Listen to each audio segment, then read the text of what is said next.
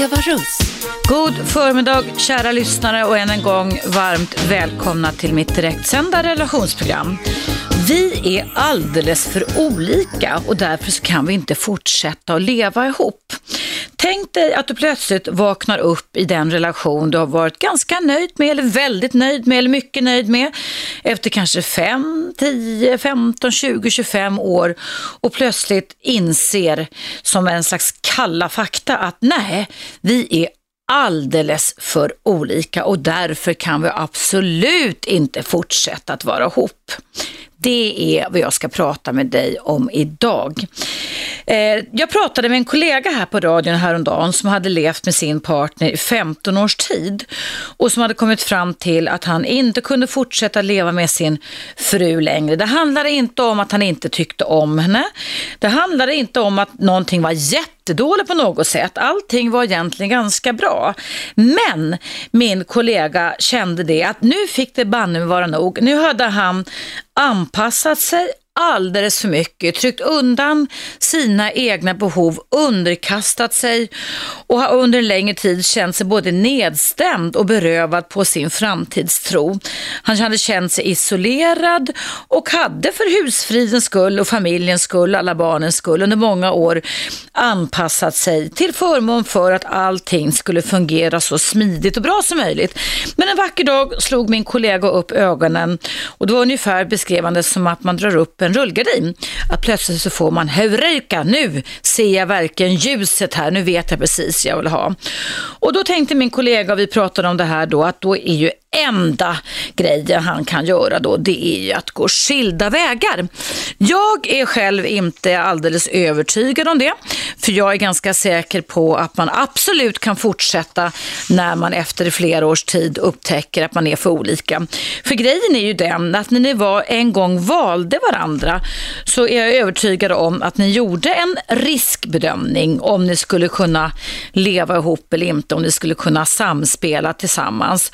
Och då ligger det liksom i själva förälskelsens natur att vi ett, idealiserar varandra mycket. Vi sätter på oss eh, olikfärgade glasögon som är färgade av kärlekshormonet dopamin som ruschade genom kroppen och som gjorde att allting var positivt, ingenting var negativt. När det väl har slutat ruscha genom kroppen och duscha genom kroppen, dopaminet, efter ungefär ett års tid i den första förälskelsefasen så kanske min kollega och kanske du också som lyssnar just nu började, när man lugnar ner sig lite, började se att nej, vi är nog kanske inte så lika varandra som jag till början med trodde. Men eftersom du redan var fast i kärlekens virvlar, i kärlekens positiva loopar, så valde du att se det här som ganska spännande. Att det här med olikheter faktiskt var någonting som var ganska utmanande och roligt. Och då utlöstes nästa hormon, nämligen det som heter oxytocin som gjorde att ni kittade ihop varandra, lite myspys där va. Och eh, det gjorde då att färgen kring era katastroftankar eller era, era noteringar kring att ni egentligen var ganska olika varandra, den gjorde, la sordin på det hela på ett positivt sätt så att ni kunde anpassa er bättre till varandra. Och min åsikt är den att om du vaknar upp precis som min kollega och inser i din parrelation efter ett antal år att nej, vi är alldeles för olika, vi kan inte fortsätta, så anser jag att det är verkligen och synnerligen ingen orsak till skilsmässa. Vad det faktiskt handlar om, det är relationslathet och det handlar om att ni har blivit för oflexibla. Relationen har gått in i en för mycket statisk och oflexibel fas, vilket det kan bli när man permanentar sina olika roller. Men ingenting är hugget i sten och det här går det att förändra och utveckla. Eh, man behöver bara träna sig på ett nytt sätt. Har man tränat sig på ett visst sätt i många års tid så behöver man träna sig på ett annat sätt. Och det kanske kan vara så att det kan vara dags, som det är för min kollega här på radion, att börja tala om hur hans eller dina eller hennes behov ser ut. Vad är det du behöver? För det är oftast de känslomässiga behoven och känslomässiga delarna som brukar ställa till bekymmer. Och då kan vi givetvis ett drabbas av panik och, och, och idka flyktbeteenden, men vi kan ju också faktiskt ta och börja utforska omvärlden och se över våra egna behov och börja förändra oss och börja eh, se om det kanske är möjligt att jag också, som min kollega uttryckte det, skulle kunna få utrymme i den här relationen. Och alla parrelationer behöver ju alltid ses över. De är inte statiska, de kan inte vara statiska, utan alla parrelationer måste vara ytterst ut, flexibla och adaptiva och anpassningsbara och förändras givetvis i takt med att man själv förändras. Jag är ju inte samma person som jag var för 5, 10, 15, 20 år sedan och det är inte min kollega heller och det är inte du heller. Och då gäller det att man då Istället för att man väljer bort varandra som väldigt många människor gör, att man faktiskt kavlar upp armarna och kanske också börjar se med samma nyfikenhet som ni en gång gjorde när ni blev kära i varandra och försöka se att det kan vara lite utmanande och spännande att kanske också förändra era respektive sätt gentemot varandra och även roller. Vad väcker det här för tankar hos dig? Har du erfarenheter av det här? Du vaknar upp och konstaterar att ni är för olika. Ring in till mig, numret är 0200 11 12 13. Det är rakt in till studion här till mitt program Eva Russ på Radio 1. Och det har redan börjat ringa här och jag ska se vem som eventuellt kan finnas på tråden. Hallå, vem finns på andra änden luren? Ja, det är Jocke här. Hej Jocke, välkommen. Du, jag har en fråga. Ja. Kan man ha dopaminsbrist, eller vad det kallas för? Eh, ja, det kan man nog få när man alltså inte, när man inte kan relatera till varandra och få igång de här eh, kärlekshormonerna igen. Jag är inte läkare så jag kan inte påtala eller säga om du kan få dopamininjektioner. Det tror jag knappast. Förlåt? Ja, för Jag, har två frågor. Jag, jag blir aldrig kär. Jag var gift i 14 år. Mm. Jag sköt mina kort totalt. Mm. Okej? Eh, men jag var aldrig kär. Nej. Eh, så man, eh, sen, så man, sen eh, som jag upplever att kvinnor, jag var ju tillsammans med henne och erbjöd allt jag kunde och lite till. Mm. Eh, så man, eh, problemet är att, nu, nu är det kvinnan som jag tycker gjorde fel, men oavsett.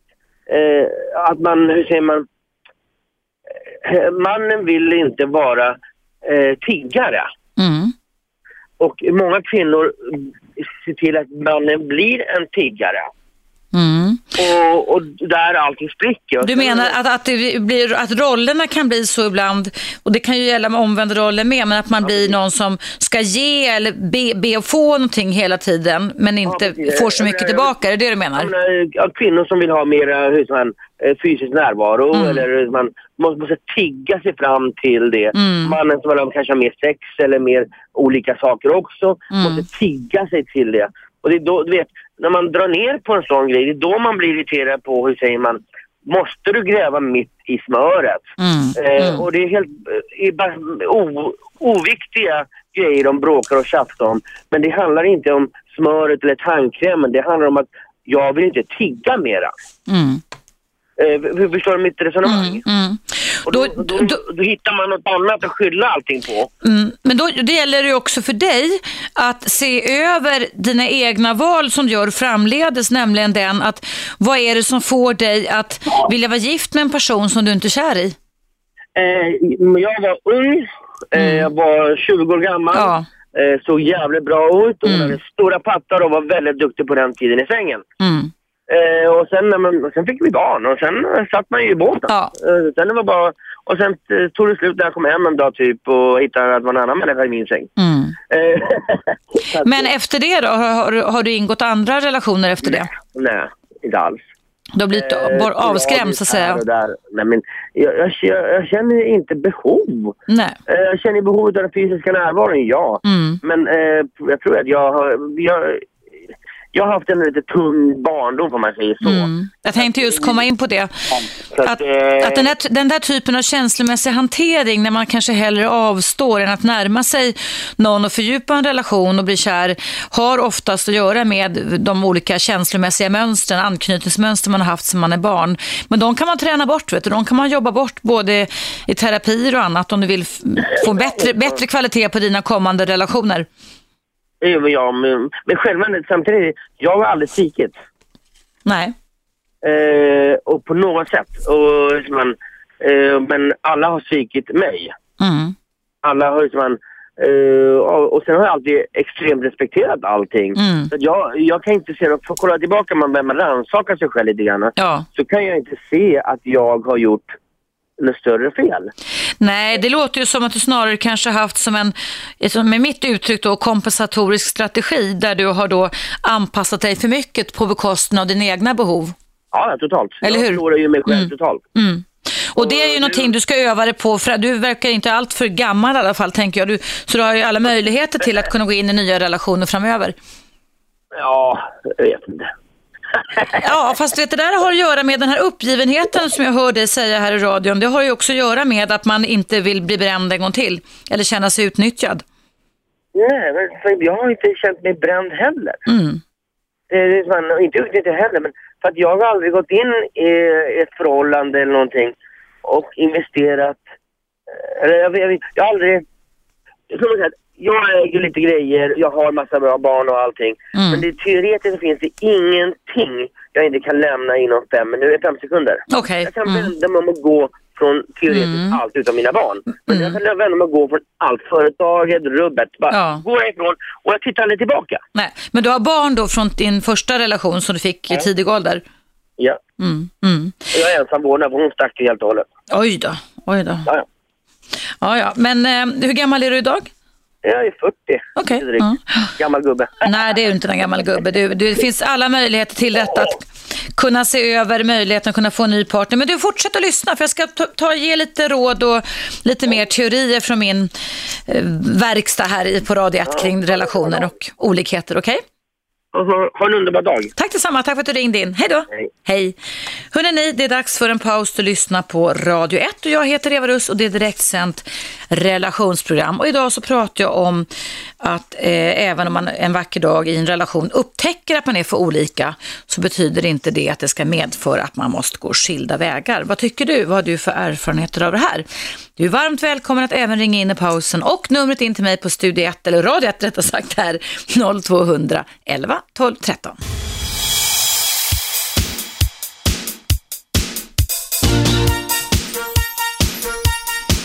Radio 1. Eva Russ. Det här att bli vald och att bli bekräftad och känna sig älskbar, det är centralt för alla människor på denna jord.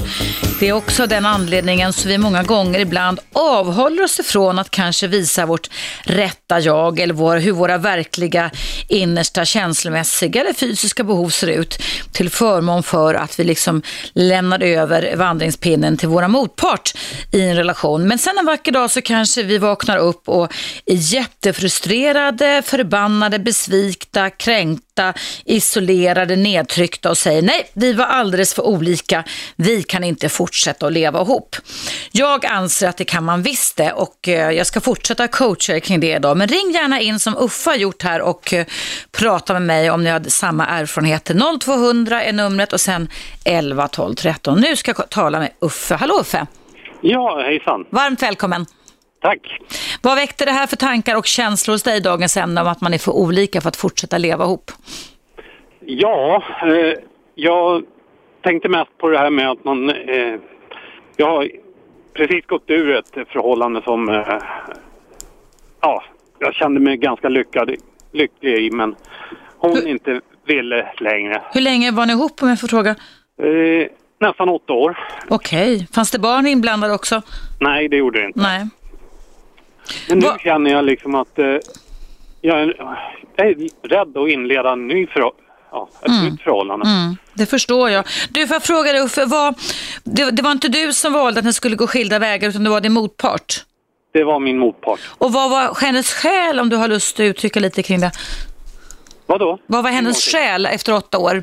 Att ni inte skulle Ja. fortsätta tillsammans? Hon ville leva själv och eh, bygga upp sin självkänsla, som hon sa. Men det kan man ju göra i en relation, tycker jag. Ja, det tycker jag också. Fanns det ingen kompromissvillighet där alls, alltså, utan det var väldigt statiskt sätt att se på det hela? Det här är min åsikt, punkt slut, eller? Ja, det, det var bestämt redan i, ja, på lång väg. Där kändes det som. Så att det, Så vad väckte det för känslor hos dig när du fick detta besked? ja, det väck- väckte en väldig massa känslor måste jag säga. En bitterhet. En, ja, mer ilska alltså. Mm, det kan jag förstå, ja. Och då hade du fått några förvarningar om det här innan eller kom det som en blixt från en klar himmel? För mig kom det som en blixt från klar himmel, men däremot kompisar. Eh, jag brukar inte eh, skriva på Facebook eller något sånt där. Jag, Men däremot mina kompisar såg vad hon hade skrivit på Facebook. Jaha, vad hade det till exempel stått där då? För? Ja, det, det stod just det att hon kände sig trött och ville försöka leva själv och, och ja, och det... Ja, Men du, tycker du att ni har haft bra kommunikation under de åtta åren ni varit tillsammans? Eller kan du nu efteråt i backspegeln se att den kanske inte var så god? till och från. Sista tiden tycker jag eh, kommunikationen var väldigt dålig. Eh, jag kände att jag gav väldigt mycket men hon gav inte tillbaka. Nej. Och jag ifrågasatte det många gånger men hon hade ingen, ja, ingen ursäkt till varför det hade blivit så. Nej. Hur länge sedan var det som det tog slut då? Uffe? Eh, det är tre månader nu. Okej, okej. Och ni har liksom gjort upp allt och flyttat isär och så, eller hur ser det ut? Nej, tyvärr så är jag tvungen att bo kvar inneboende tills eh, jag har fått en ny, ja, en ny bostad. Okej, vad händer då mellan er då? Hur ser interaktionen ut då? Ja, vi pratar knappt med varandra. Eh, Jag skickar något sms då och då, men jag får knappt något svar. Och, Och har du, har du sett några tydliga tecken på att din före detta, är det sambo då eller fru eller vad är det? nej, det, det var sant. Sambo men i alla fall, har du fått något tecken på att hon nu har börjat leva själv, alltså börjat bygga upp sin självkänsla igen? Har, har så skett eller vad är det du lägger märke till när ni vistas under samma tak fortfarande efter att ha tagit slut? Jag kan inte märka att hon eh, försöker leva själv heller. Eh, det är klart att lite grann att hon eh, går ut på eh, kvällarna mera än vad hon gjorde innan.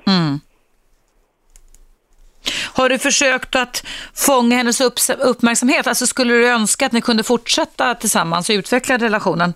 Oh ja. Oh ja. Det, Vad, vad har du gjort för att förmedla det till henne då?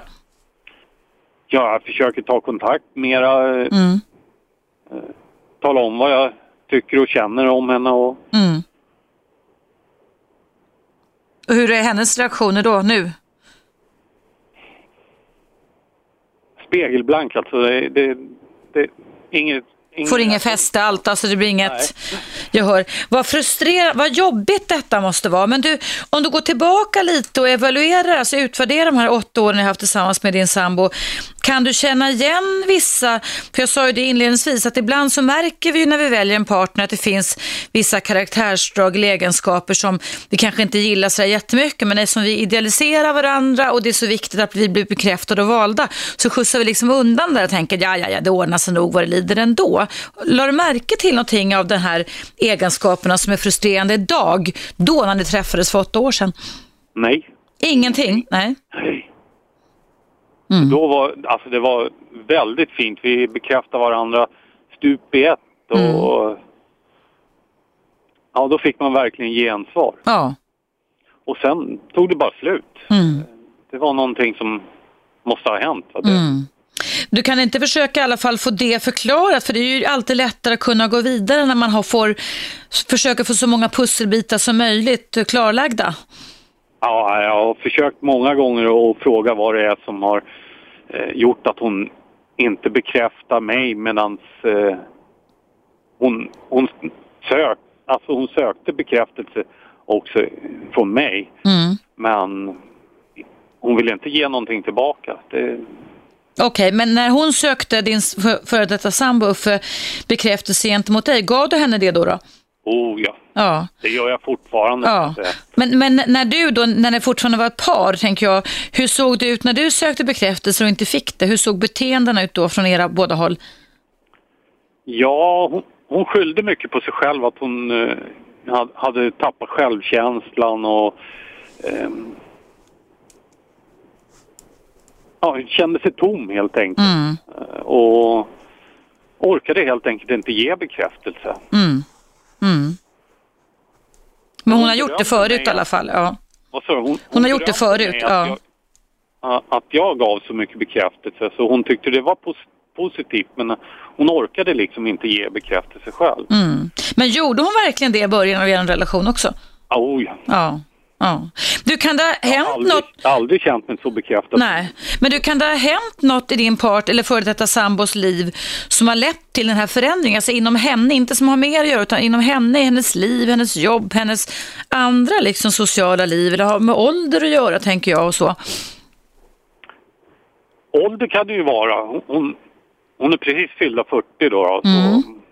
så att eh, det är väl lite... Det kan det ju vara men eh, Mm. jag kan inte säga att eh, det har hänt någonting i hennes tidigare liv om man så säger. Nej, det har jag inte gjort. Utan att det, för ibland kan man ju reagera på yttre saker som leder till att man förändras inombords också. Mm. Mm. Du, eh, ja, hur mår du själv nu då, när det har blivit så här eländigt?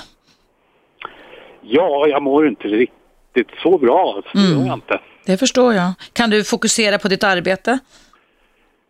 Ja, det känner jag att jag kan göra. Mm. Eh, Åtminstone viss, ja, till en viss del. Mm. Och hon är helt kallsinnig din sambo till att ni skulle kunna gå och prata med någon. Även om det är slut så kan man ju göra en separation mer behaglig så att man kan få klarlagt lite mer vad det är som har hänt liksom. Mm. Du, du har inte föreslagit det? Nej, det har jag däremot inte. Du vet, det finns ju, bor du i Stockholm Uffe eller? Nej, jag bor i Enköping. Okej, men för det finns säkert i Enköping med, tänker jag, någon form av både kyrka, alltså man ska inte förakta kyrkan, jag är inte själv religiös, men de har väldigt bra rådgivning faktiskt på många ställen. I Västerås vet jag i alla fall att de har det, i domkyrkan innan skilsmässan, något sånt här heter det, va, där man kan gå och prata. Och man behöver liksom inte vara kyrklig eller religiös för det, men du kanske ska undersöka med kommunerna om det finns, för i Stockholm så finns det sån här kommunal parrådgivning som brukar vara väldigt, väldigt bra. Det de är duktiga de som jobbar där, det kostar inte många kronor att gå dit och de är proffs, de har träffat tusentals par. Eh, så att målet behöver inte vara att ni ska bli ihop, men målet ska vara att det ska bli begripligt vad det är som har skett inom din sambos kropp och själ. Mm.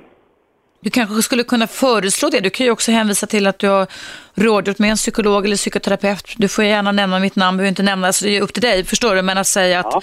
det här vore ganska viktigt för din skull, att göra ett snyggt avslut på det i alla fall. Mm. Du kunde väl prova, för att det, har hon gjort slut så är det ju slut, men man kan ju göra slut på ett snyggare sätt, eh, så det blir en bättre knorr som du kan greppa liksom och förstå vad det har som hänt inom henne, på både kort och på lång sikt. Mm. Och det kan ju hjälpa dig om det, eller när du sen en vacker dag skulle vara mogen och gå in i en ny relation igen så har du i alla fall liksom fått ett avslut kring det som var, fått det lite mer begripligt det som har hänt. Ja. Du kan väl Just nu prova? så Känner jag, jag känner mig otroligt bränd och Mm. ingen Nej. lust att inleda någon Nej. relation överhuvudtaget. Jag tror att det är för tidigt just nu. Det här är ju en krisreaktion. Det här är ganska eh, omvälvande och dramatiskt, traumatiskt skulle jag vilja säga.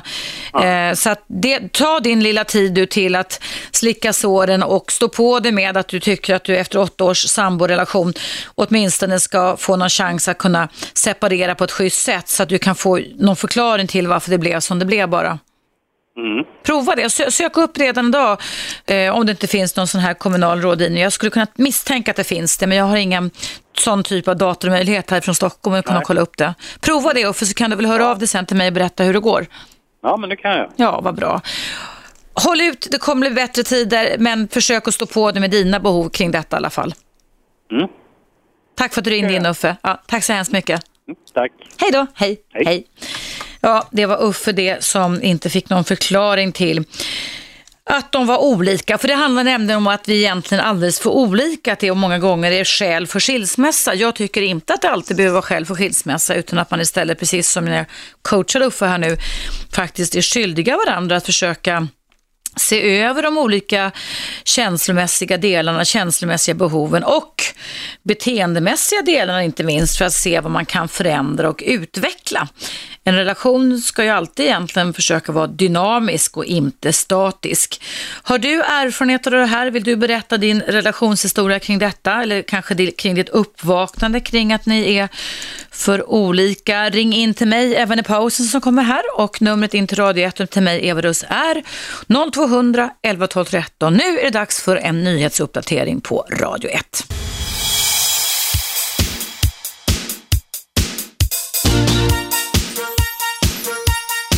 Radio 1.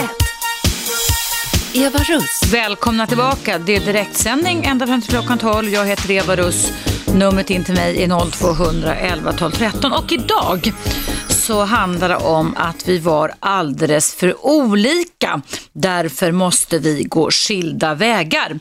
Jag kan inte låta bli att eh, nämna två kändisars namn här idag. De är så, så gott som varje dag nu i kvällspressen omnämnda och det är deckarförfattarinnan Camilla Läckberg och Robinson Martin Melin eh, som efter två, efter två och ett halvt års äktenskap med en liten plutt pojke på tre år ungefär inser då att de inte kan leva ihop, att de är alldeles för olika. Och jag säger bara skärpning. Jag tycker att det är väl det som livet är till för, att vi måste lära oss att kompromissa, lära oss att vara flexibla. För det var väl det som man var i början när man inledde en kärleksrelation och plötsligt så upplevs olikheterna eller de olika behoven som så hotfulla och hemska så att man tar till benen och springer åt andra hållet. Jag tycker inte att flykt är någon bra lösning. Eh, jag ska alldeles strax koppla in en inringare men jag ska läsa upp ett kort mejl från Linda som har reagerat på detta. Det står så här. Eh, rubriken är då, Lindas rubrik alltså, föräldraskapet visade att vi var olika. Hej Eva! Vi insåg att vi var olika när vi blev föräldrar. Innan dess trodde jag att vi hade väldigt lika syn på det mesta. Nu kompromissar vi om i princip allt, men vi har en gyllene regel. Är det något som inte känns bra för den ene, då gör vi inte det. Min man är till exempel av den åsikten att vårt barn kan få börja förskola när han är ett och ett halvt år.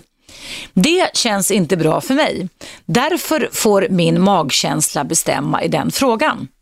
Och fortsätter Linda, så försöker vi tänka och agera generöst på det sättet att man ska underlätta för den andra att leva det liv den vill. Hälsningar Linda.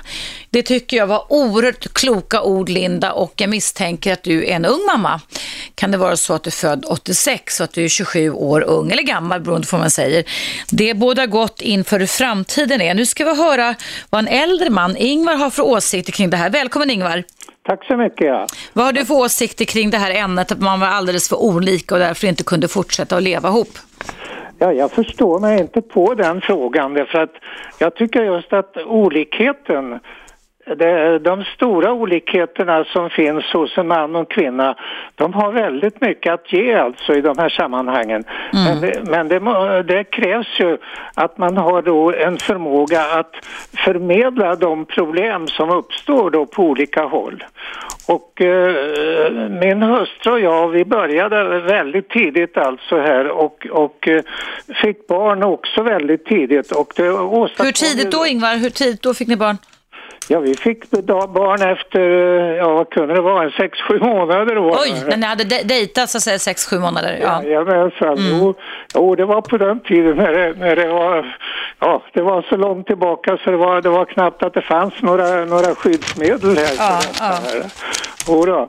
Nej men eh, vi upplevde då hela tiden när barnen gick i skolan alltså att det, det uppstod en massa nya problem som vi då måste lösa av olika slag. Mm. Och sen kom det till att jag flyttade ganska mycket. Jag var sex månader på Cypern i mm. FN-tjänst. Jag var ett år i Örebro och jag var ett år i Falun och under tiden så var min familj kvar i Stockholm. Mm. Och det var ett alldeles fantastiskt alltså när, när man fick uppleva allt nytt alltså. Men du, var ni olika varandra du och din fru? Alltså på vilket sätt var ni olika? Ja, vi, vi hade olika temperament. Mm. Hur, var, hur var det de då, skillnaden? Ja, jag, jag var långsam och, och stillsam utav mig till mitt sätt här. Ja. Och hon var mycket framåt alltså på olika sätt här. Och det gjorde det att de två karaktärerna, de vävdes liksom ihop alltså här. Och då ville vi berätta för varandra vad vi sysslade med på olika ställen mm. här. Och det gjorde det att vi var ju väldigt upptagna utav att få reda på vad som hände. Men det krävs ju faktiskt att man är intresserad. Och det är det som jag tycker var utav de där tidigare som du pratade med här, mm. att det fanns inget intresse då Nej men precis, alltså. Nej precis, för intresset är ju urviktigt alltså. Du kommer ju ingen vart om du inte är intresserad. Nej, det, det är precis det, det sitter alltihop mm. alltså, att man ska vara intresserad och vilja, vilja få reda på nya saker utav, mm. utav den andra parten. Så att man hela tiden har en kommunikation och att det är, finns en massa nyheter i den kommunikationen. Det är det som jag tycker alltså är så viktigt. Nu, du talar just om de första nio månaderna alltihopa. Mm, mm. Att man då vill lära känna varandra. Och det, det, man, man, i, i vanliga fall så hinner man ju prata igenom förskräckligt mycket då omkring de där nio månaderna och sen blir det tomt alltså om man inte ersätter det med en massa nya saker. Ja, just det. Mm. Och det är de där nya sakerna som jag vill, vill tala för hela tiden alltså. Det gäller egentligen att se till alltså att man blir två olika människor alltså som är två olika temperament på mm. som har det gemensamma att de vill kommunicera. Men du Ingvar, när du träffade din fru för länge sedan, lade du märke till direkt att ni hade olika temperament? Ja, vars. Eh, på sätt och vis alltså. Det för att jag, jag upplevde det under första tiden alltså. Men Hur tyckte för... du då, då? Tyckte du att det var bra eller, eller tänkte jag... du det ordnar sig sen på sikt vad det lider? Jag det var jättebra alltså. Ja. Det var väldigt roligt alltså. Man fick lära sig en massa nytt alltså. Man, man, får, man får ju två yrken på det sättet. Alltså. Ja, just det. Dels ett mm. eget och dels ett annat här. Och kom ju in då i kommunikationer med det, hennes omgivning och min omgivning här mm. som man då får lära sig på olika sätt. Och sen när, man, när jag hade de där väldigt långa äh, grejerna, alltså omkring två och ett halvt år var jag borta i princip. Ja. Där vi på tjänstgöring, alltså via jobbet alltså? Ja. Sista, sista, ja vi träffades då lördag, söndag eller lördag i princip och mm. sen söndag måste man åka igen. Mm. Det blev alldeles väldigt korta historier och det var ju fullproppat med nya saker som man då skulle berätta för varandra mm. hela tiden. Men om man skulle sammanfatta vad du sa, för vi är tvungna att ta en liten pausning, var det det att, att man, så, när man förlorar intresset av att lära av varandra, då är det, det är det som oftast kan vara orsaken till att man upplever att det blir för statiskt, det händer ingenting. Men det beror på en själv, alltså man måste ha den här inre motivationen till att vara nyfiken på varandra livet ut. Ja, det är exakt. Du har, du har exakt fångat upp det jag ville mm. säga alltså. Precis det som du tar upp här alltså. Mm. Man måste komma överens om stora saker alltså. Mm. Där, där ska man vara överens alltså omkring hur ska uppfostran se ut och var ska man bo någonstans och liknande saker. Under det att en massa andra saker som är knutet till jobben, det är där man ska föra över grejer. Under mm. det att på de andra stora sakerna, där är man överens på allting. Alltså. Mm. Okej, okay. tack så jättemycket för dina livserfarenheter Ingvar Relation och tack för att du lyssnade på Radio 1. Vi tack hörs framöver. Tack snälla, hej hej. Ja hörni, det är dags för mig att ta en liten reklampaus. Du lyssnar på Radio 1, frekvens 101,9. Jag heter Eva Russ och det är ju direktsänt relationsprogram varje vardag här måndag till fredag. Och idag pratar jag om att man var alldeles för olika och det skulle då varit skäl till skilsmässa. Bullshit säger jag och jag håller med Ingmar som ringde in. Det är det inte alls det. Det handlar om att öva upp nyfikenheten och intresset inte minst. Vad tycker du? Vad har du för erfarenheter kring detta dilemma? Du kan ringa in i pausen 0200 11 12 13 och pausen den kommer här.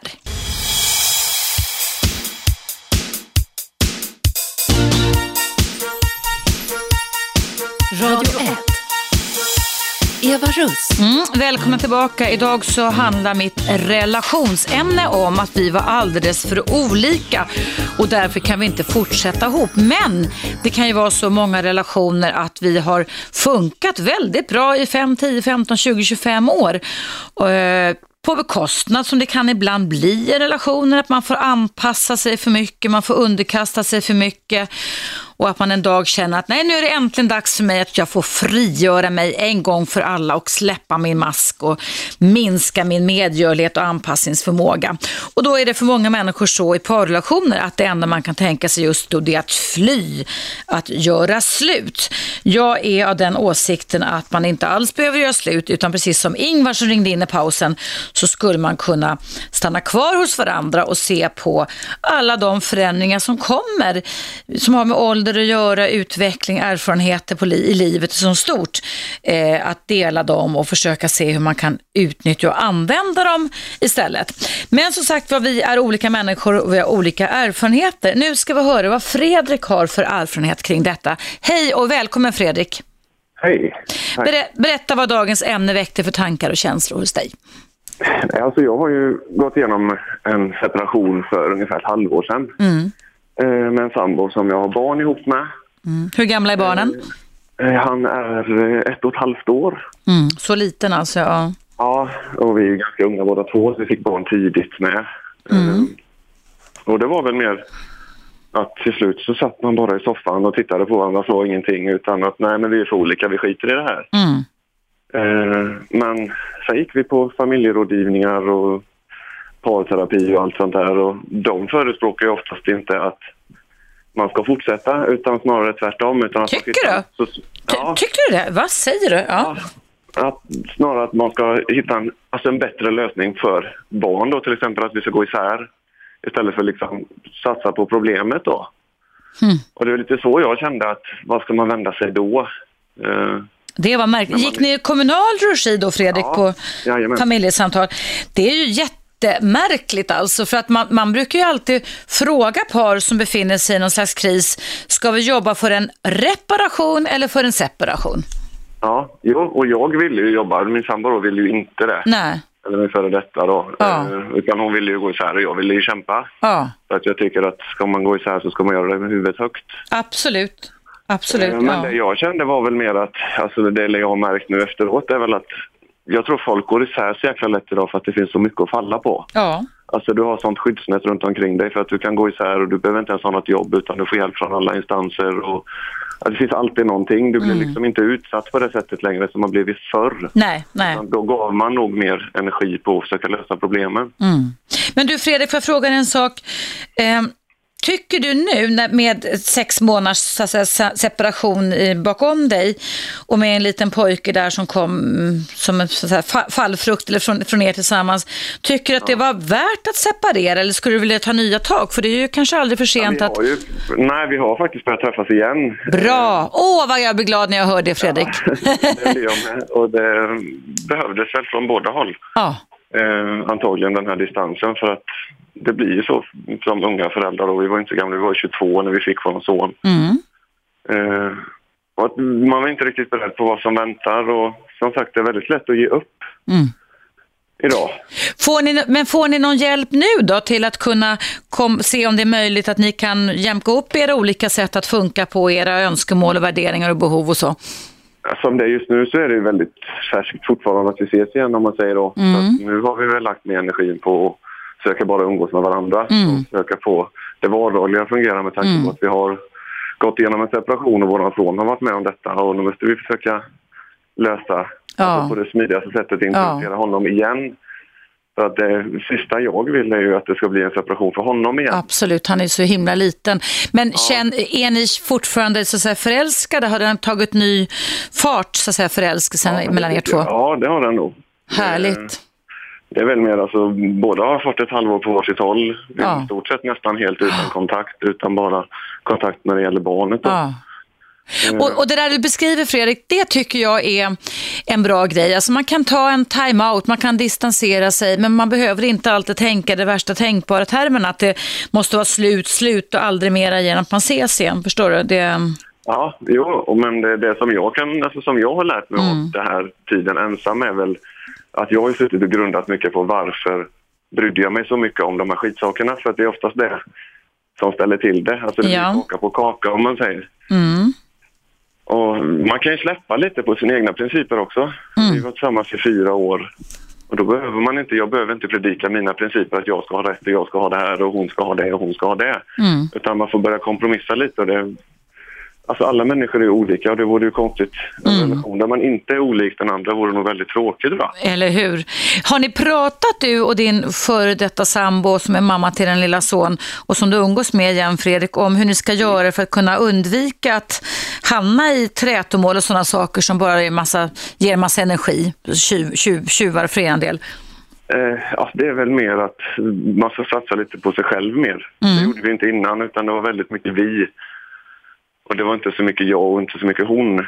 Utan det var vi, det var vi tre, det är vår familj. Vi ska vara alltså, som ett plåster på varandra hela tiden och det blir ju en frustration. Utan jag vill ju kunna göra, alltså slappna av och kunna göra lite någonting som jag känner för och hon ska respektera det och åt andra hållet också. Ja. Det där är ju faktiskt det du sätter fingret på nu Fredrik, det är faktiskt det i nästan all forskning som är gisslet och utmaningen för många parrelationer, nämligen den hur mycket man ska vara limmade på varandra och hur mycket man ska få självförverkliga sig själv så att säga. Ja, precis. Jo, och det är väl det jag känner att egentiden nu är ju mycket, mycket bättre. För det har vi pratat om att man ska få Mm. Den här att jag ska kunna åka iväg och träna om jag känner för det. Hon ska kunna åka iväg och göra någonting om hon Och- känner för det till exempel. Och, och, och vet du, en väldigt bra mening som jag brukar ge som råd till eh, människor som lever i parrelationer, det är att man talar hädanefter i termer av jag. Jag har behov att. Att man pratar om vilka behov man själv har istället för att man slår i huvudet på den andra vad man inte får. För det är ju ganska typiskt att man brukar annars göra så, eller hur? Ja, precis. Jo, det kan jag verkligen känna igen mig i. Eh, Men som sagt, det är jättesvårt och sen, man vet ju inte hur man ska kompromissa framöver heller. För att har man gett upp en gång så ligger det alltid ganska Ja. lätt att falla tillbaka till det gamla. Jag tycker att en bra grej som många par har gjort på min inrådan det är att man har en gång i veckan, kanske typ en söndagkväll, alltså det, det spelar ingen roll, men typ innan man går till jobbet oftast om man då jobbar måndag till fredag som väldigt många i alla fall gör. Det är att man har, när barnen har gått och lagt sig, att man har ett parsamtal. Alltså, vad, vad är vi nöjda med? Vad gick bra? Att man fokuserar på det som var bra. Så att man förstärker det som man har gjort och säger älskling tack för det och det här var jättefint av dig.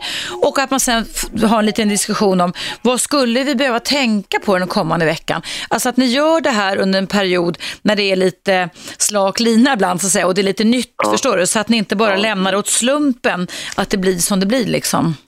Nej, nej, det är det man är rädd för. Att bara sätta sig i soffan liksom igen och sitta där och så. Nej, ha, en, ha en dialog kring detta när lille man har gått och lagt sig och framförallt fokusera, börja med det goda, fokusera på det goda, förstärk det goda och sen kan ni tänka liksom med, ja, som Ingvar sa, nyfikenhet, okej det här var mindre bra, hur skulle vi kunna göra, hur skulle jag kunna göra det? Ja, jag har de här behoven, hur ser dina behov ut? Och sen prata utifrån jag-behov är ganska viktigt, eller väldigt viktigt rättare sagt. Ja, jo, det är verkligen. Det, men det som sagt, det, så var det inte innan. Men Nej. kan vi...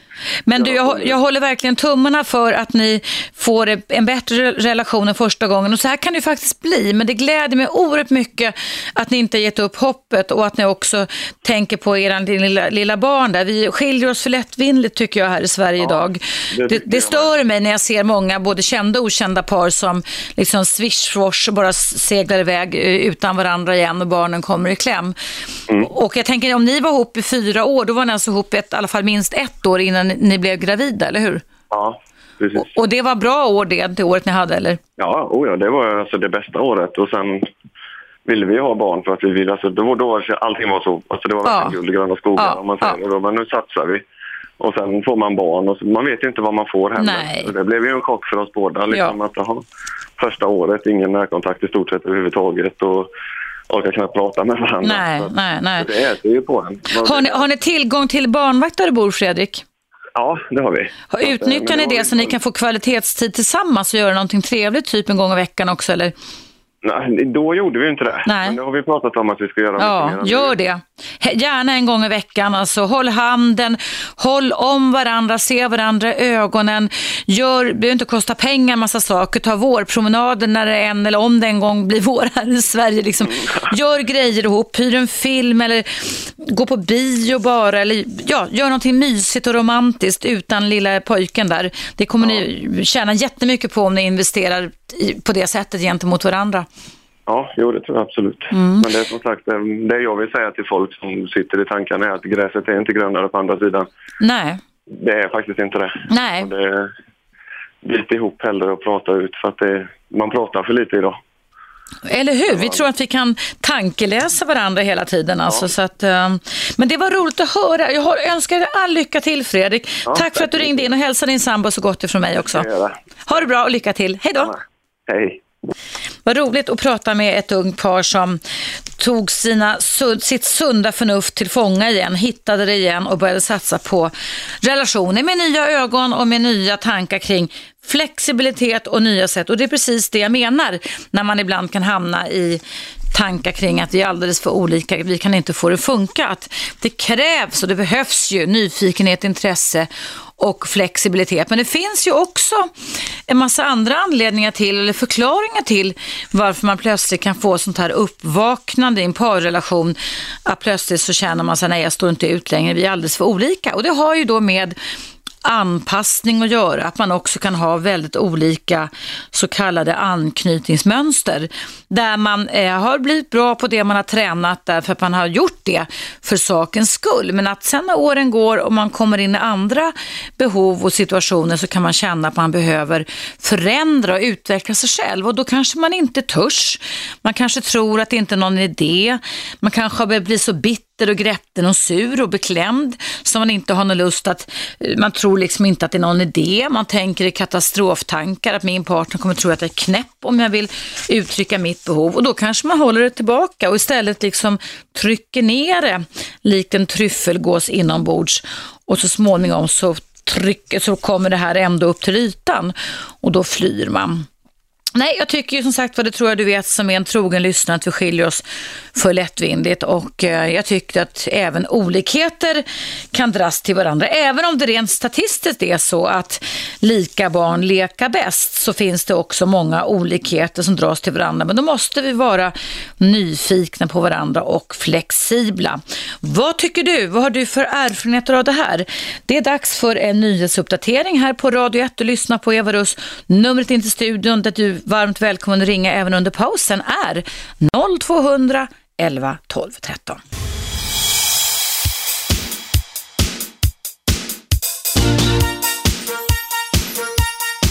Radio 1. Eva Russ. Välkomna tillbaka. Idag pratar jag om att många par kan hamna i en kris som kan bli en utmaning, som kan bli ett slut eller början där man konstaterar att vi är alldeles för olika och därför kan vi inte fortsätta ihop. Det är många som ringer in här och vill berätta om sina berättelser. Vi ska höra på vad Mia och hennes man gjorde. Hallå Mia! Hallå. Välkommen. Du ska berätta om vad du och din man gjorde när ni hamnade i en rejäl svacka i er parrelation. Varsågod. Ja, tack. Vi, eh, vi var i 45-årsåldern, vi hade varit gifta i, i rätt några år, ja rätt många år. Eh, båda två tyckte att, eh, eller vi kom på kant med varandra och jag sa till mina närmaste att jag kommer aldrig mer att ta i honom, jag vill inte närma mig honom. Vad blev ni på kant om, Mia, lite kort bara? Det Ja. var, det var kompisar till honom som sa, de hade varit på resor tillsammans killarna och de kom och sa till mig att han hade varit otrogen. Mhm. Och jag tände till för jag tyckte jag hade gett hela mitt liv och varför skulle jag gå igenom det här? Eh, min man han var väldigt eh, nere och deprimerad och hans eh, närmaste sa till honom gör ingenting drastiskt utan vänta och avvakta. Mina släktingar sa samma sak till mig. Jag var ändå trotsig och tyckte att jag skulle, nej det här skulle jag inte göra och jag Mm. försökte, sökte många utvägar. Men vi avvaktade och idag är vi båda i 70-årsåldern och vi lever fortfarande ha, ihop och vi har världens underbaraste liv. Åh, vad underbart. Och det här med otroheten, om det var en otrohet eller inte, var det någonting som ni behövde reda ut sen då, Mia? Eller? Nej, jag, jag brydde mig inte i det. Jag Mm. tänkte så här att eh, jag är lika delaktig i, i det snedsteget som, som han, eh, tänkte jag efteråt. Och se, senare under åren så har vi pratat om det här väldigt mycket och eh, eh, vi har, eh, vad ska jag säga, rätt ut mycket därför att det gör man när man kommer tillbaka till varandra igen. Man pratar om, om, om problem man har haft och man pratar om varför man hamnar i de här problemen och eh, man kommer fram till att eh, det, det viktigaste är att man har varandra och inte eh, hoppar av och söker någonting annat för då kanske man får gå igenom precis samma sak igen och igen och igen Mm. och därför är det mycket bättre att lära känna varandra ordentligt och eh, stanna hos varandra. Mm, mm. Det tycker jag var ett bra exempel på hur man kan fungera. Men får jag fråga en sak till Mia? Eh, n- eh, upplevde du då, alltså det här, när du fick höra det här, din man har varit ute på en resa och att han då hade varit otrogen, i alla fall som vännerna sa. Eh, hade ni från början, det här hände när ni var för 45 års ålder och hade levt ett tag, ganska många år ihop sa du? Ja, vi Hade- när jag var 24, eh, 25 och Okej, han så det var 28. ganska lång, 20, Ja, 20 års ja, eh, ja. relation redan. Ja. Kom det liksom som en chock då? Hade du och din man pratat om det här, att ni hade samma värderingar kring trohet och sånt tidigare då? Ja, eh, nej det kan jag inte säga för Mm. vi, jag, åtminstone jag tog för givet, han också tog för givet Mm. att vi var väldigt lyckliga, vi var jättekära i varandra i många år under tiden vi hade småbarn och sådär. Och, Mm. och sen så kommer det ju en del problem under livet där man ska tackla olika saker inom arbete och sådär. Mm. Så, så vi, vi, eh, vi pratade aldrig om det då utan, utan vad jag blev mest förbannad på det var den som kom och skvallrade på honom för att jag, jag sa varför ska jag få reda på det för jag, jag, jag menar jag har, jag har alltid sagt så här det är inte ögat ser det gråter det inte av Okej, ja. och det kanske är en konstig inställning Nej. det kanske är också för att skydda sig En, själv. en sund inställning emellanåt kan det faktiskt vara. Inte alltid, men emellanåt kan jag tycka till någon enstaka otrohet att det kan vara värt att tänka på det sättet och släppa och gå vidare faktiskt. Precis, Mm. och jag har aldrig, aldrig kommit på honom med sådana saker utan han har alltid varit väldigt utåtriktad. Mm. Han har varit väldigt förtjust i, i, i andra kvinnor med att prata med och uppskatta och så här men jag har aldrig känt någon svartsjuka utan jag har vetat att det är mig han älskar och det är Mm. mig han har valt. Ja, Och han skulle inte välja mig om han inte ville stanna hos mig. Så att, eh, det här var ju sådana tankar som jag tänkte då. Så det har aldrig varit något problem efter det. mm, vad härligt, vad roligt. Och du, om du skulle sammanfatta glädjen i att kunna hantera sådana här konflikter och få ett lång relation tillsammans. För det är många, många år ni har levt ihop och ni har firat guldbröllop antar jag och silverbröllop och Ja, jo det har vi. Och man har ju, när man pratar om det idag så säger vi många gånger vad underbart att vi inte gjorde någonting då utan att vi fortfarande är tillsammans. Och idag gör vi så mycket roligt tillsammans, även med våra barn och med andra vänner. Så att det är fantastiskt att ha. Det är fantastiskt för barnen mm, att den här tryggheten finns. mm. Mm. Så det var det jag ville berätta. Ja, du, det var ett lysande exempel. Tack så jättemycket för att du ringde in och jag önskar dig din man många lyckliga relationsår framöver också. Tack snälla. Tack snälla du. Hej då. Hej. Hej, hej. Ja, det är jätteroligt när både ung som gammal ringer in här därför att relationer handlar ju också om livskunskap. Det handlar om eh, erfarenheter som vi kan bjuda varandra på. Ja, idag så pratar jag om då att man ibland kan vakna upp i en relation och tycka att vi är alldeles för olika. Vi kan inte fortsätta tillsammans. Och det här beror ju oftast på givetvis att vi går igenom olika typer av stadier i livet där vi formas och där vi förändras och där våra olika behov givetvis ändrar sig. Ni har tidigare ringt in här och pratat om småbarnstiden, under småbarnstiden, efter småbarnstiden, när man börjar självförverkliga sig själv, att hitta en balans mellan det här. Eh, och Eh, det man också vet inom forskningen, det är ju då det att när vi blir kära i varandra det, så har vi en tendens till att få hjärnorna kidnappade så att vi liksom eh, utlöser en väldig massa välbefinnande hormoner som till exempel endorfiner, oxytocin, dopamin och vasopressin. Och de här utsöndras genom kroppskontakten och hjälper också till att, för att ge hållbara relationer. Men ibland så kan man ju ändå uppleva att man var alldeles för olika.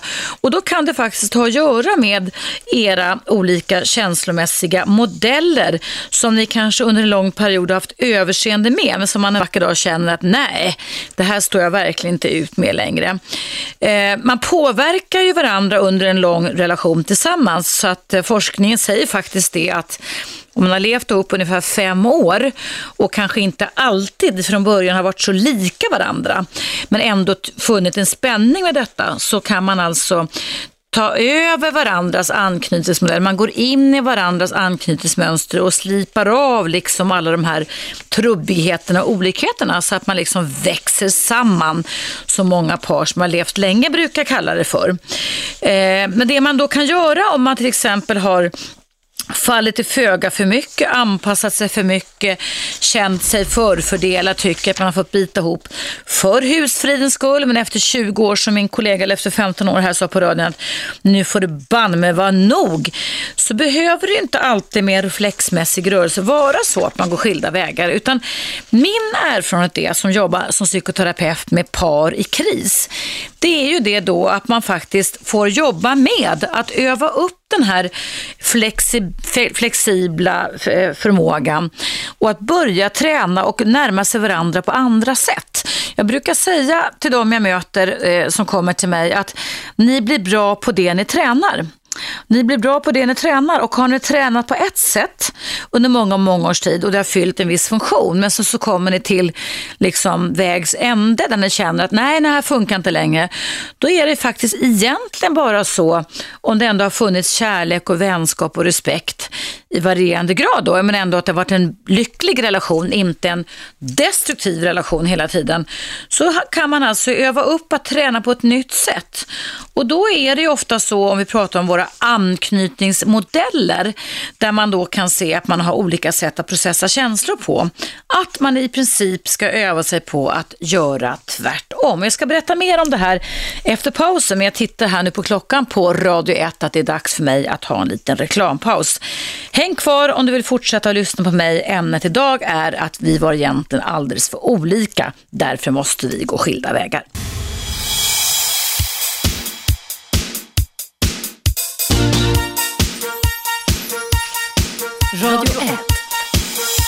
Eva Russ. Välkomna tillbaka. Ja, visst ligger det någonting i det att lika barn leka bäst. Det har faktiskt relationsforskare världen över kunnat konstatera.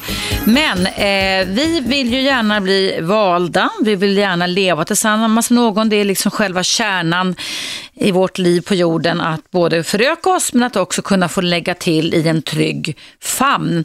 Och därför så har vi en viss tendens när vi träffar en partner som vi blir bländade av att vi ibland eh, ja, krumbuktar oss lite väl mycket, att vi gör oss till på ett sätt som kanske inte är vårt riktiga jag. Och vad är då vårt riktiga jag? Ja, vårt riktiga jag är egentligen det sättet som vi har lärt oss, tränat oss på att hantera våra känslomässiga behov på och våra känslomässiga reaktioner och beteenden på sen barnsben. Och där vet forskare idag att vi då kan skönja framför allt fyra olika så kallade känslomässiga modeller som oftast följer oss livet ut. Och det är oftast de krock krockarna mellan era olika anknytningsmönster eller känslomässiga modeller som brukar vara orsaken till att man då konstaterar efter, ja inte bara som Camilla Läckberg och Martin Melin efter två och ett halvt år, vi får olika varandra, utan att man säger kanske efter 5, 10, 15, 25 år, nej vi kan inte fortsätta tillsammans, vi är alldeles för olika.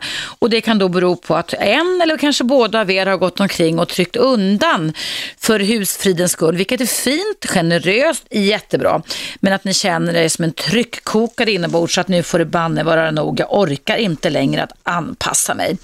Och tittar vi då på de här olika anknytningsmönstren så vet man idag att ungefär, ungefär alltså mellan tummen och pekfingret, att 60 procent 60% av oss i västvärlden kan eh, känna oss väldigt trygga i oss själva och kan då ha lätt lättare för att kunna hantera kriser och konflikter. Vi får inte panik lika lätt, vi springer inte och skiljer så lika lätt och vi kan liksom stanna upp och reflektera och vara reaktiva och proaktiva. Alltså vi kan, vi, vi håller fast i våran partner lite lättare, vi ger inte upp så lätt skulle man kunna säga att relationsforskningen eh, kan se. Sen finns det då resterande cirka 40 procent av oss i västvärlden som har andra känslomässiga modeller och eh, de kallas då för A, C och D. Och A-modellen, det handlar om att man kanske har växt upp med föräldrar eller en förälder som i olika grad, varierande grad, kan ha varit lite känslomässigt otillgänglig eller otrygga.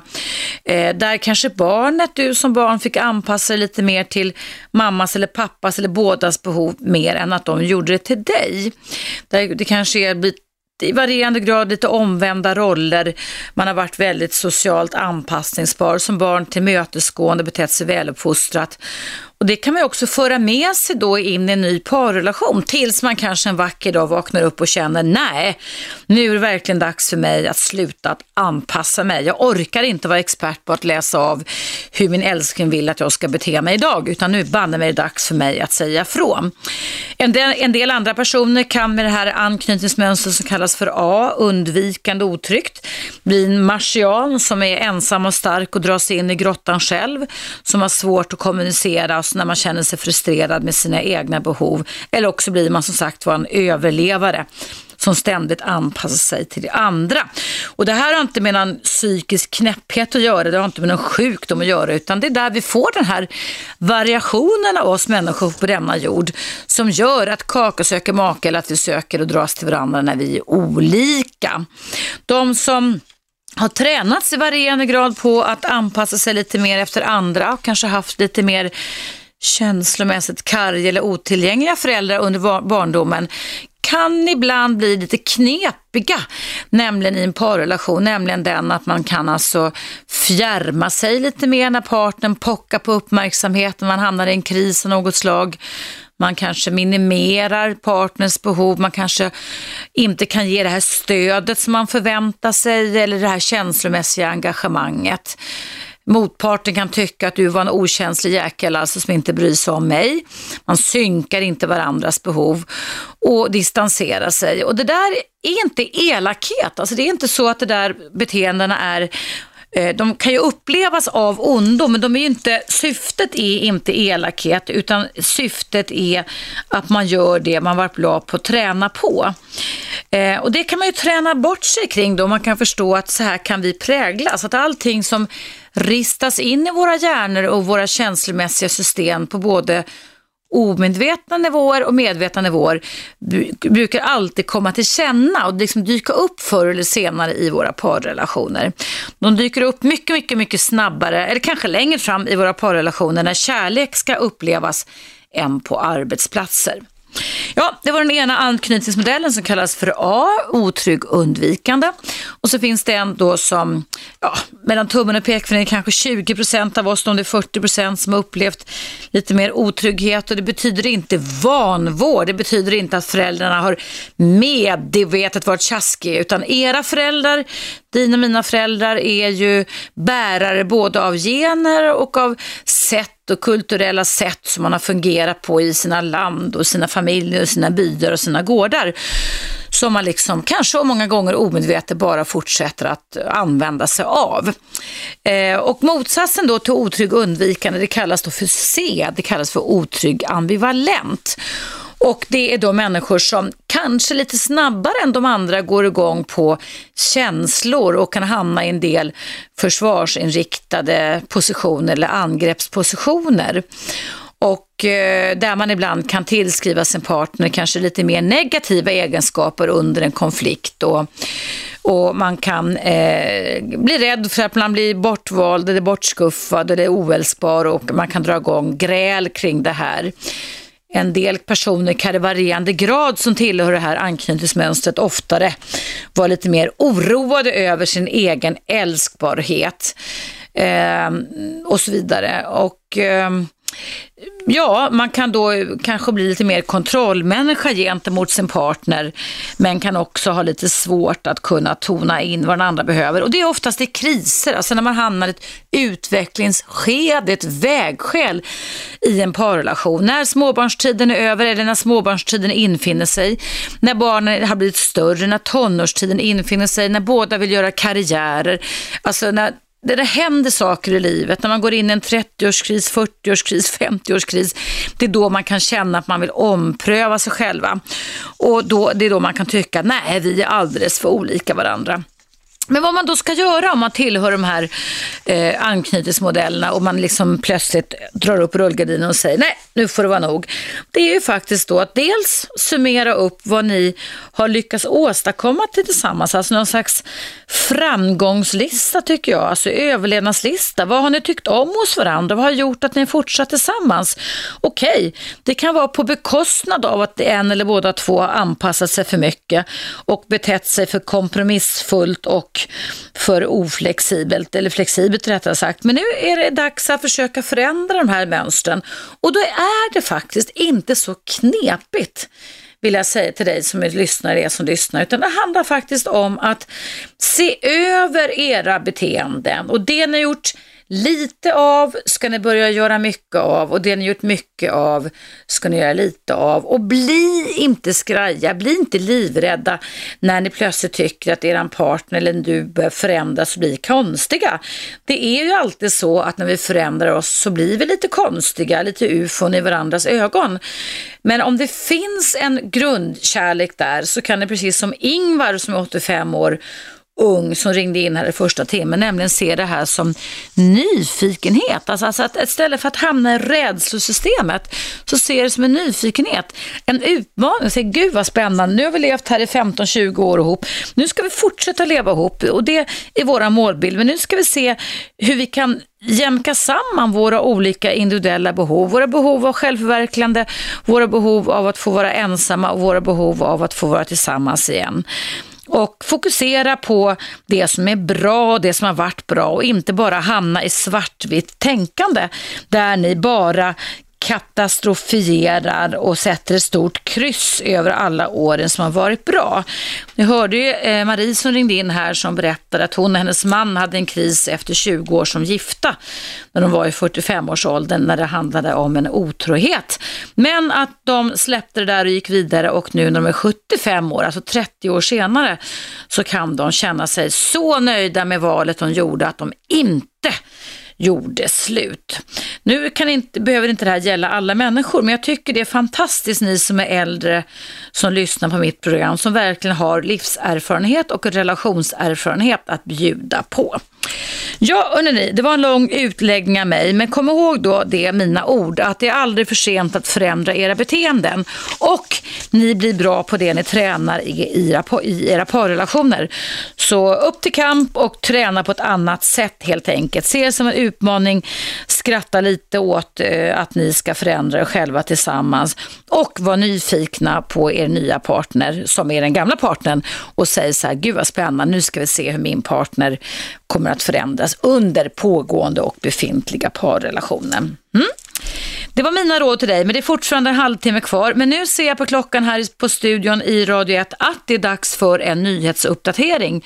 Jag heter Eva Russ, jag är psykolog och psykoterapeut och relationsexpert här och även på Aftonbladet sedan tio år tillbaka.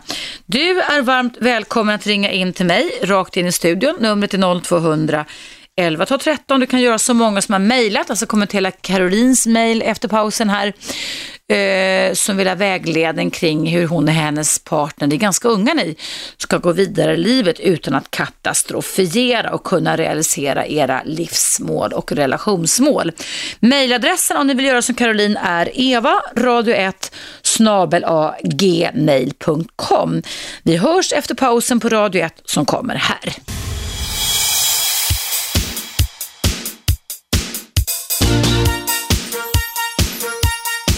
Radio 1. Eva Russ. Välkomna tillbaka. Ja, idag pratar jag om olikheter i relationer. Att man i början kanske under de första 5, 10, 15, 20 åren tyckte att man var hur lika som helst och sen en vacker dag så pang så drar man upp rullgardinen, man upplever det i alla fall och tycker man är alldeles för olika och därför så kan man inte fortsätta. Eh, jag ska alldeles strax prata med dig Nils, jag ska läsa upp ett kort mejl från Marie. Det står så här. Eva, du är så klok och nyanserad. Jag har sällan hört någon så vettig och behaglig att lyssna på och du kan verkligen lyssna på vad människor säger. Din kommentar om skärpning vad gäller att människor går skilda vägar förlätte verkligen huvudet på spiken tycker jag. Vi ska ju inte tro att flykt löser allt och att någon annan alltid är bättre. Olikheter måste vi lära oss att respektera och uppskatta. Tack för ett fantastiskt program Marie. Tack ska du ha Marie, det värmer mitt hjärta väldigt mycket när lyssnarna hör av sig på det sättet med. Jag sa att jag skulle kommentera Caroline, då får Caroline vänta lite nu. Eh, du, jag antar att du sitter och lyssnar nu för du har mejlat in till mig Caroline, men jag ska ta och kommentera det efter att jag har pratat med Nils en liten stund här. Hallå Nils, välkommen. Ja, tack ska du ha. Hej. Vad Hej. väcker dagens ämne för tankar hos dig? Ja, jag har lyssnat väldigt mycket på dig, men uh, jag vet väl inte riktigt om jag blir så mycket klokare det här med att man ska försöka lappa ihop allting. Uh, ibland så tycker jag att man hamnar i en situation där man inte vill det. Mm. Uh, Har du gjort det? Ja, det är den situation som jag sitter i just nu. Mm. Och, um, jag tycker liksom att uh, en ting är att man går åt var sitt håll, det ska alla ha lov till, men det finns ju schyssta sätt att göra det på. Och... Hur, hur länge har ni levt ihop Nils? Vi har levt ihop i 17 år. Just det, och ni hade två barn, var det så? Eller? Nej. Tre barn har ni, just det. Ja. Vad är anledningen till er separation då? Ja, det finns flera anledningar, men uh, det som uh, ja, gör mig förbannad var att jag blev väldigt sjuk och så tycker jag hon tog chansen och, och liksom bröt uh, innan jag blev rask igen. Och, du blev sjuk och din partner tog chansen, hur då menar du? Ja, jag fick, ett, jag fick en, en, eh, en dubbelstroke och uh, sen så blev jag opererad mm. och den misslyckades den operationen. Och precis innan, eller efter det så kom separationen. Och um, så blev jag så opererad och är väl inte helt friskförklarad än men jag tyckte liksom hon, uh, hon tog chansen nu när jag var mer sårbar. Du var sårbar, ja. Fy, men du, har du upplevt de karaktärsdragen hos din partner under 17 år tidigare? Eller kommer detta som en blixt från en klar himmel tycker du, det beteendet tänker jag? Alltså jag tycker väl att hon äh, har ändrat sig väldigt mycket efter vi fick barn och sen så är det som om äh, hon har kommit in i en tre till fyra års cyklus var att det, det ändrade intressen från hennes sida. Hon går väldigt mycket upp i en sak och så efter tre till fyra år så mm. förlorar hon intressen. Mm. Och, ja just det, det har du berättat tidigare om, kommer jag ihåg. Ja. ja, det är liksom och det är inte bara intresse men så är det jobb och, och, så det är väldigt bra i början och så går det två, tre, fyra år och sen så är det rent elände. Så din före detta partner vill självförverkliga sig väldigt mycket och liksom håller på med det hela tiden och tappar intresse för både barn och dig alltså? Att barnen tror jag tycker jag inte hon har tappat Nej. intressen för men äh, jag blev väl också lite less på slutet att jag liksom ställde upp på alldeles för mycket saker. Jag kan väl bebreda mig själv jag inte satte foten ner och säger nej, nu får det få en räcka. Mm. Fast du var ju dålig också. Hur mår du idag Nils efter din dubbelstroke? Jo, jag är, vad heter det, 25 procent sjukskriven, men annars så jobbar jag. Du kan gå och stå och så? Ja, ja. Vad härligt, vad bra. Jag fick, eh, jag fick mina strokes på en lördag på måndagen jobbade jag igen. Men eh, ja. det, det, var min egen idiotiska envishet. Ja, ja, men det kan ju vara bra också i och för sig. Man ska ju kämpa på allt vad man vill. Men du, är ni, nu, nu är ni separerade och skilda du och din partner Nils? Ja, vi håller på att bli klara med separationen. Mm. Men uh, jag är väl lite tveksam till om jag ska stanna kvar i Sverige och mm. Ja, för du kommer från Danmark, ja. Mm. Ja, precis. Men vi har ju tre barn som är 9, 11 och 12. Mm. Och eh, jag är väl lite fundersam på vad det kan göra för dem. Ja, jag, jag, tycker att de är så pass unga så om du vill fråga mig så skulle jag vilja be dig stanna kvar. Om du har möjlighet till det förstås. Ja, ja det är lugnt. De, de, är för, de, är för, de är inne i, ett tolvåring där går snart in i puberteten och den inte redan har börjat i och med att den flyttar sig neråt åldrarna. Och nio och elvaåringen, det är ändå ett visst avstånd såvida inte din fru eller före detta fru skulle bo i Malmö så ni bara hade bron emellan er. Nej, vi bor, på, vi bor på östkusten så det är lite längre bort. Ja. Nej, alltså, det, alltså, alltså visst kan man gå igenom allt möjligt och visst måste man ibland supporta sig själv och sitt avstånd om det kanske handlar om jobbmöjligheter och sådana saker med. Men jag tycker att det kan vara väldigt, väldigt tufft för många barn idag när föräldrarna dels skiljer sig för lättvindigt och dels också separerar och det blir jättelånga avstånd för dem. Jag, jag tror att, vill inte du vara en del i era tre barns vardag eller? Jo, det vill jag väldigt gärna. Mm. Men uh, jag vet också att uh, hon kan ändra sig hur som helst. Mm. Och så plötsligt vill hon bo i ja, var som helst och så, så är det liksom jag som igen måste anpassa mig. Men nu tycker jag liksom mitt bägare det är, är helt fyllt nu. Så mm. heter det, jag tar liksom inte mer skit nu. Nej, det förstår Men du flyttade, du, lämnade du Danmark för kärlekens skull och flyttade hit då? Är det därför ja, du tänker att du vill ja. flytta tillbaka eller? Ja, det är väl därför. Jag mm, lämnade... Det förstår jag. Ja, familj, kompisar, ja. allt. Det kanske är så att om du kan fundera, alltså du får göra precis hur du vill, alltså, men jag bara tänker att jag tror att bara det att ni har tre minderåriga barn, kanske om det är möjligt för dig att du skulle kunna vänta lite tills de har växt till sig, så kanske det skulle gynna alla ännu bättre. Jag vet inte, men det är mitt råd som jag skulle ge till dig om du kom till mig i alla fall. Ja. Men vad pratar man om? Alltså, jag har väl lite svårt att se att hon ska kunna hantera tre eh, tonårspojkar själv. Mm. Um, fordi att uh, der finns redan problematik som gör att uh, hon tänder till på deras sätt att bete sig mot henne. Var mm. Hon har ett annat typ av tålamod än jag har och, ja. och det är ju kvinna versus man och, och mm. det ena och det andra. Så, det är väl nästan det som jag är mest rädd för, att eh, jag tror inte hon kan komma hantera det här. Mm. Det, och då har vi det här med olikheter som är temat idag också, att där, när ni väl har fått barnen och när ni väl liksom börjar lunka ihop efter 17 år tillsammans så ser du att ni har olika sätt att hantera barnen på och det är ju ja. knepigt givetvis, ännu mer när man skiljer sig förstås. Jo, det är ju för att man har ju liksom, äh, förr i tiden har man kunnat ja, den ene kunde ta över när den andra äh, gick, äh, gick Precis. i. Och det, det utrymme finns ju inte riktigt just Nej, man var schysst, generösare mot varandra liksom. Ja. Ja, precis. Och så ibland så får man bara säga nej, nu orkar jag inte mer, nu får du ta över det här. Mm. Um, men eh, det är ju alltid barnen som tar stryken i slutändan. Ja, ja, det är det. Ja. Nej, jag, nej, jag tycker alltså, om jag får råda, och, men som sagt du får göra som du vill, så tycker jag att barnen är, är väldigt känslig ålder och eh, eh, de behöver ha tillgång till dig. Eh, det är för långt bort Danmark. Du kanske kan hitta mm. någon kompromiss och, och åka dit själv emellanåt då, liksom och odla dina vänner och släktband ändå, med och utan barn. Ja, jag får väl bli uh, stewardess som du var, eller hur? Ja, jag var stewardess på Maersk ja. ja. det var väldigt roligt faktiskt, när jag bodde ute på Kastrup faktiskt. Mm. Finns Maerskare kvar förresten? Du, det vet jag faktiskt inte. Maersk finns ju på haven där man har container, men jag vet inte om Maersk finns kvar som flygbolag längre. Det var ju inrikesflyg i Danmark då. Ja, precis. Men, men det... Eh, nej, det vet jag faktiskt inte. Nej, det var länge sedan. Du Nils, eh, vi håller kontakten. Tack för att mm. du ringde in och eh, tar en tankeställare till i alla fall kring detta tycker jag. Ja, jag ska göra det. Tack ska du ha. Tack, ha det jättebra. Hej då. Ja, hej. Hej, hej. Ja, hörni, tiden går fort när man har många intressanta inringare. Jag lovar nu Caroline, du som har mejlat till mig, att jag ska ta ditt mejl efter pausen. Eh, det handlar om att ni är ett ungt par som vill ha vägledning framledes. Numret in till mig, om ni nu skulle hinna ringa in till mig, det är inte säkert att hinner svara mer idag. Det är 0200 11 12 13. Mejladressen som Carolina mejlar till är eva radio1 gmail.com och nu är det dags för en liten reklampaus på Radio 1.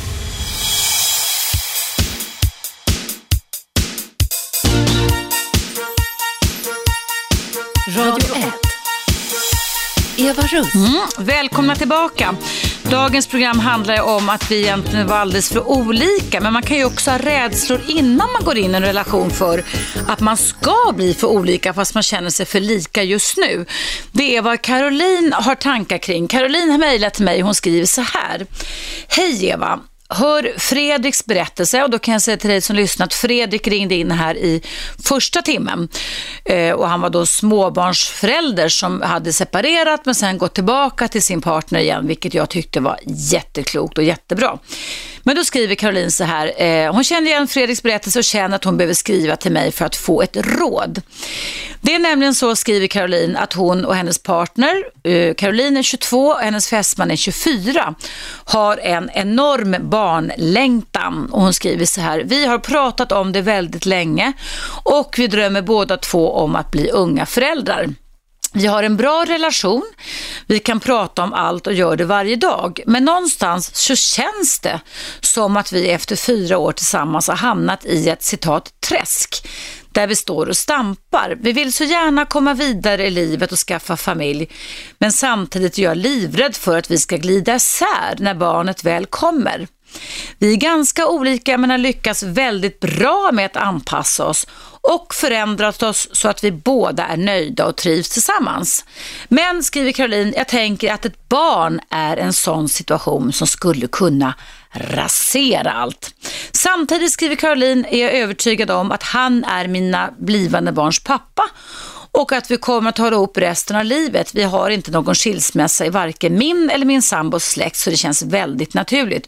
Hur tänker du? frågar Caroline. Har du något råd till en förvirrad ung kvinna? Ja, Caroline.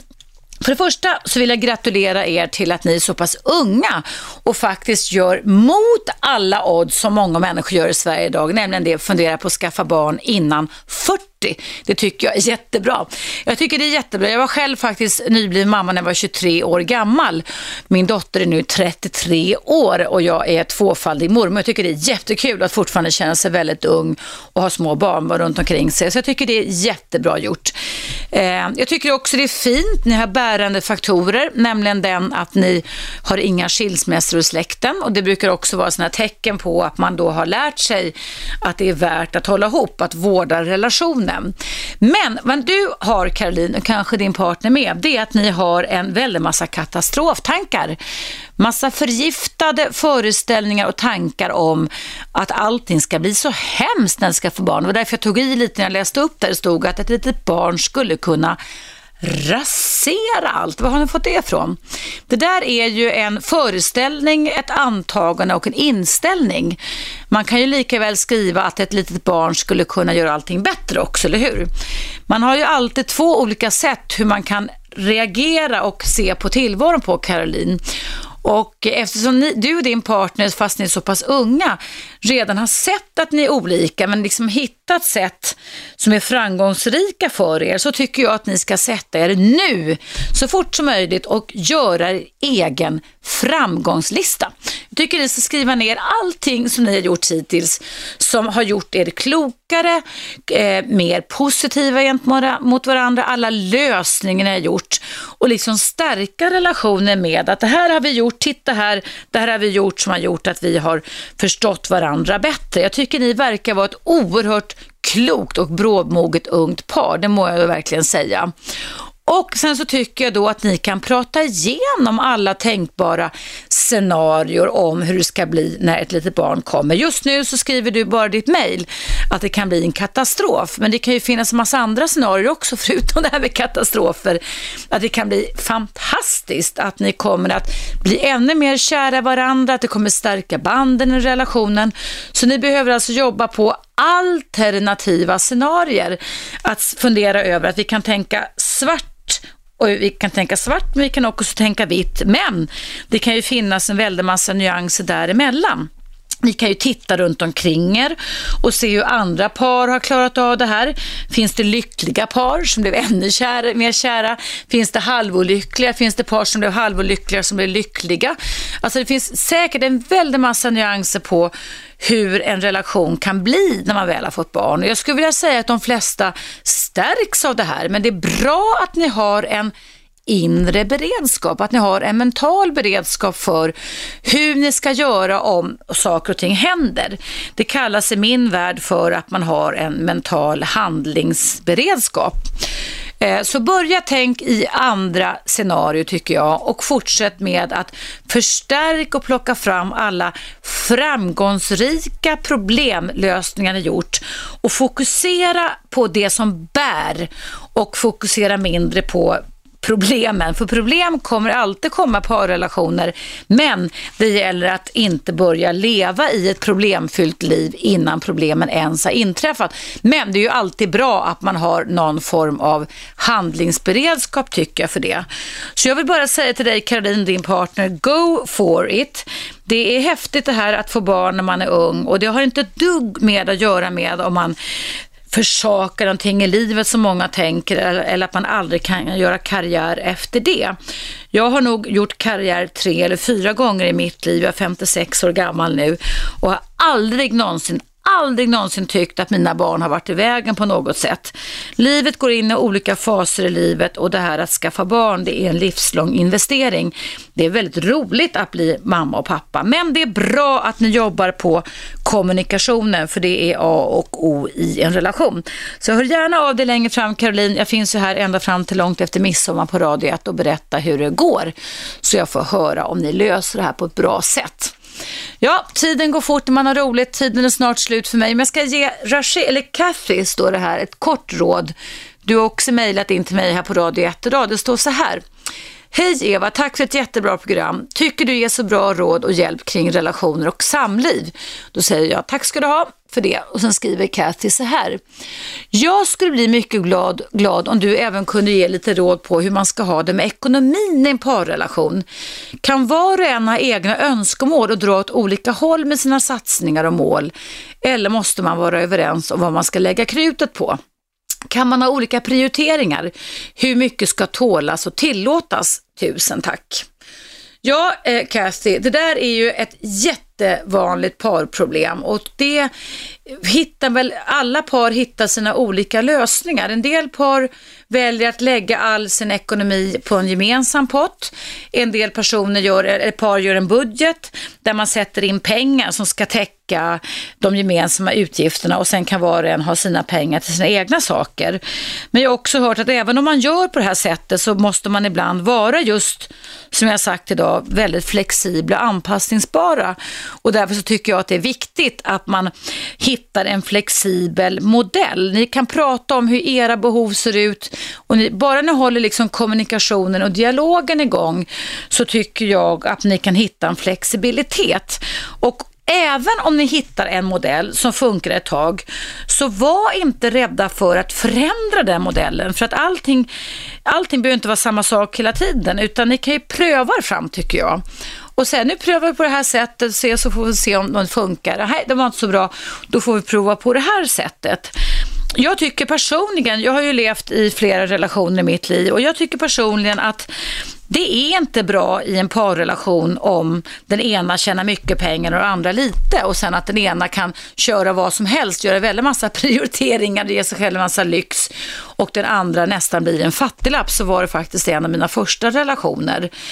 Eh, det är inte heller bra om man Eh, inte får egna pengar, en pott av pengar där man kan realisera sina egna saker. Men allting handlar ju om kommunikation, att utbyta budskap och tala om hur de egna behoven ser ut. Så jag tycker då avslutningsvis Katja att det är någonting som du och din partner kan ha en dialog kring om det här, vad ni behöver och varför, att ni motiverar vad ni behöver just nu och kom ihåg då att ni kan förändra, fattigdomen fattade beslut. Ingenting är hugget i sten, utan man kan gott och väl säga, nej men den här modellen funkar inte, nu får vi hitta en annan modell som funkar bättre. Så kan det faktiskt vara i livet, för våra relationer är inte statiska, kom ihåg det, utan de är i hög grad dynamiska livet ut och då måste vi ibland ompröva beslut, även beslut som vi då tyckte var jättekloka och sunda, måste vi ibland kanske riva upp för att vi förändras, du och jag eller ni tillsammans. Ja, tiden går fort när man har roligt. Jag ser att det börjar lida mot sitt slut här på Radio 1. Om du vill lyssna på det här programmet i repris som handlar om att man ibland kan vakna upp i en parrelation och tycka att man är alldeles för olika för att kunna fortsätta ihop, vilket jag själv tycker är bullshit och du kan lyssna på argumenten i mitt två timmar långa program.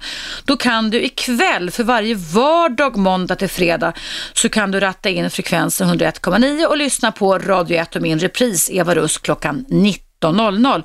Och det vet du också du om du är en trogen lyssnare att du kan alltid lyssna via iPoden, via iPaden och du kan lyssna via eh, Radio 1s webbsida, alltså Radio 1, www.radio1.se när du vill. Där kan du också gå in på programtablån och se också vilka program som går i repris under helgerna.